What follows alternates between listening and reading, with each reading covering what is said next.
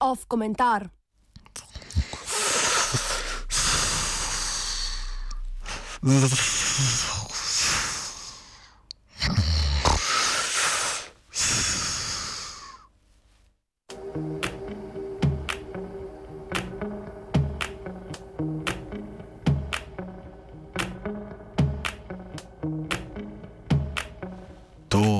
Najverjetneje začetek konca.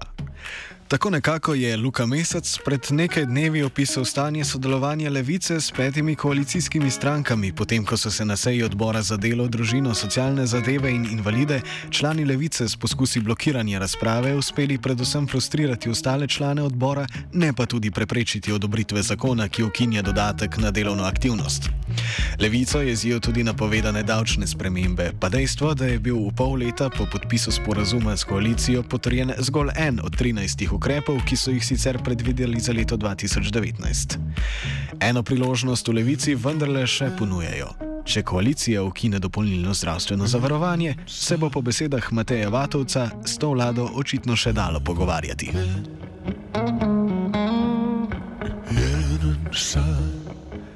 Razlog, da levica svoje žetone potiska v ukinitev dopolnilnega zdravstvenega zavarovanja, ni presenetljiv. Groziti s prenehanjem sodelovanja s koalicijo, potem ko so podobno retoriko obrali že pred poletjem, brško ne, ne bi zadovoljilo njihovih voljivcev. Prav tako v stranki verjetno želijo izkazati večjo proaktivnost pri poskusu, da vendarle izpeljajo še kakšnega od predlaganih ukrepov. Slednjo so v zadnjem mesecu dni pokazali s peticijo o ukinitvi dopolnilnega zdravstvenega zavarovanja, za v namen katere so zagnali tudi terensko kampanjo.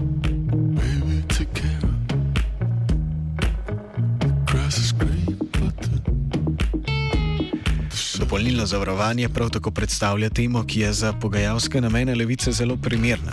O njem ima vsaj do neke mere izdelano mnenje velik delež državljanov, ukinitev pa bi bila po vseh indicih precej popularen ukrep. Ob vseh težavah v zdravstvenem sistemu v levici tudi ne potrebujejo razvijati teze, da sistem javnega zdravstva potrebuje spremembe. Ne na zadnje, volja po ukinitvi dopolnilnega zdravstvenega zavarovanja obstaja že dlje časa, načelno jo podpira tudi vlada Marjana Šarca, če torej ukrep kljub temu ne bo sprejet, je v očeh levice neuspeh izključno na strani koalicije.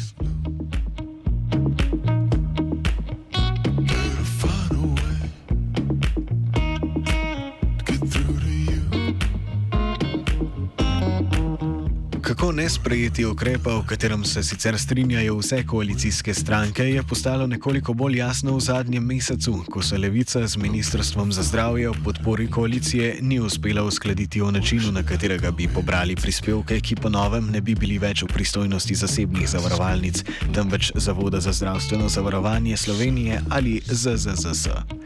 Predlog levice ustraja pri dvigu prispevkov za obvezno zavarovanje, medtem ko predlog ministrstva predvideva dva koraka.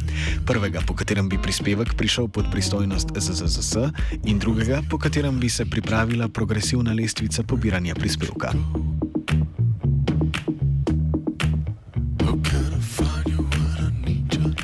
Kritike prvega pristopa se nanašajo predvsem na luknje v proračunu, ki bi nastale zaradi izpada državnih prihodkov iz naslova dohodnine ter po bolj posrednih obremenitvah, ki bi jih prispela večja bremenitev podjetniškega sektorja.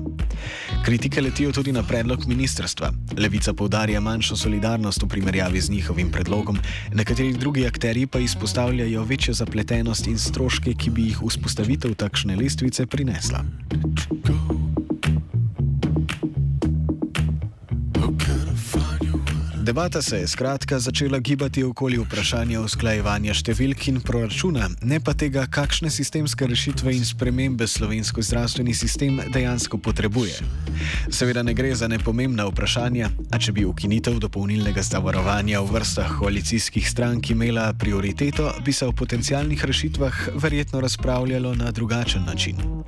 Opozarjanje Ministrstva za finance, da državni proračun ni zanesljiv dodaten vir financiranja zdravstva, zveni nekoliko brezpredmetno, če upoštevamo dejstvo, da Slovenija iz lastnega proračuna zanj namenja zelo malo sredstev, tudi med državami, ki imajo kot Slovenija sistem zdravstvene blagajne. grass is Nenaslavljanje sistemskih težav zdravstva je sicer kritika, ki jo lahko namenimo tudi levici. Pri tem ne gre za kritiko samega predloga ukinitve dopolnilnega zavarovanja, ki je v obliki, kot ga poznamo v Sloveniji, pravzaprav unikat in bi ga bilo potrebno ukiniti že zdavnaj. Razlogi za to se nemalokrat poudarjajo, a naj na tej točki povzamemo tiste najbolj kritične, ki jih s svojim predlogom naslavlja tudi levica. Where should I go? Care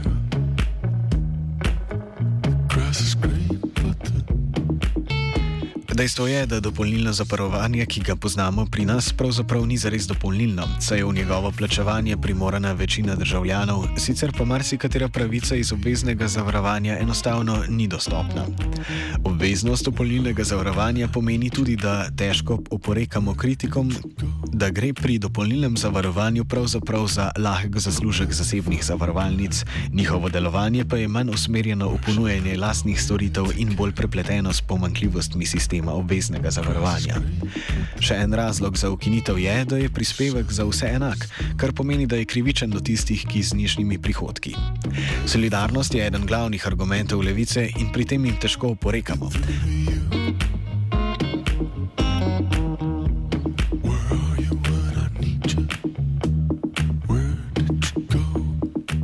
Vendar, največja težava okoli ukinitve dopolnilnega zavarovanja je v tem, da nihče ne govori o reformah, ki jih slovensko zdravstvo potrebuje. Ukinitev dopolnilnega zavarovanja pač ni zdravstvena reforma, ampak zgolj prestrukturiranje financiranja zdravstvenih storitev. Iluzorno je pričakovati, da bi s tem rešili težave zdravstva, saj ne gre, saj se ne loteva ključnih težav. Get through to Levica se v svojem predlogu pogosto nanaša na razsipnost zasebnih zavarovalnic in povdarja, da za svoje delovanje porabijo bistveno večji odstotek denarja kot ZZZS. Vse sicer drži, a nasprotna točka, da je ZZZS v svojem delovanju zato bolj učinkovit, ne temelji na kakšni koli resni analizi zavoda, prej na ideološki naravnanosti.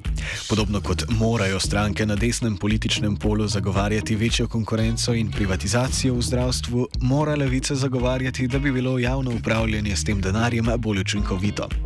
Slednje se vidi že v njihovi retoriki oziroma izbiri besed, ki pogosto nasproti postavlja delavce z minimalnimi prihodki in menedžerje z 10 tisoč evri plače.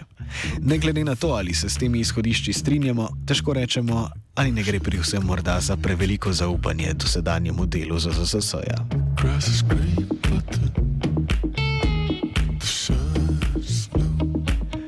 smo v sklopu 50-letnice Radia Student organizirali okroglo mizo na temo zdravstvenih zavarovanj, se pomisleke o delovanju ZZS-ja izrazili vsi gostje, vključno z bivšim ministrom za zdravje Dušanom Keblom, ki je dopolnilno zavarovanje kot prvi želel ukiniti. Glavna težava izhaja iz dejstva, da ZZS ne deluje kot zavarovalnica, ampak kot fond, kar za sabo pripelje niz težav. ZZS ni kupec storitev, ampak denar deli glede na prejšnja leta. Prav tako se težje pogaja za ceno storitve in ima pomankanje nadzora nad izvajanjem storitev, ki jih plačuje. V praksi je ZZS ne nazadnje v prejšnjih letih zniževal kritje določenih storitev in njihovo financiranje preložil v pristojnost zasebnih zavarovalnic. Where are you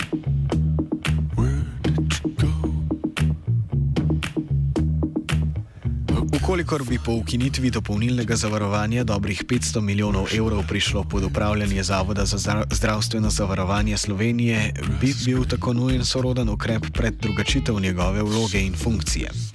O tem žal zaenkrat kaj dosti ni bilo povedanega in težko je predvideti, če bi se na tem področju tudi po morebitni ukinitvi dopolnilnega zavarovanja dejansko kaj zgodilo. Želje potem ni, debata okoli dopolnilnega zavarovanja pa je nekakšna preslikava splošnega stanja sodelovanja med levico in koalicijskimi strankami. Slednji predlogu izkazujejo načelno podporo, a ne želijo zatresti statusa quo in bi se predvsem ohranili na svojem položaju.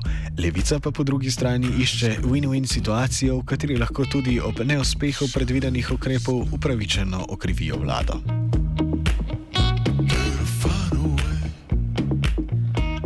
Komentiral je Jure.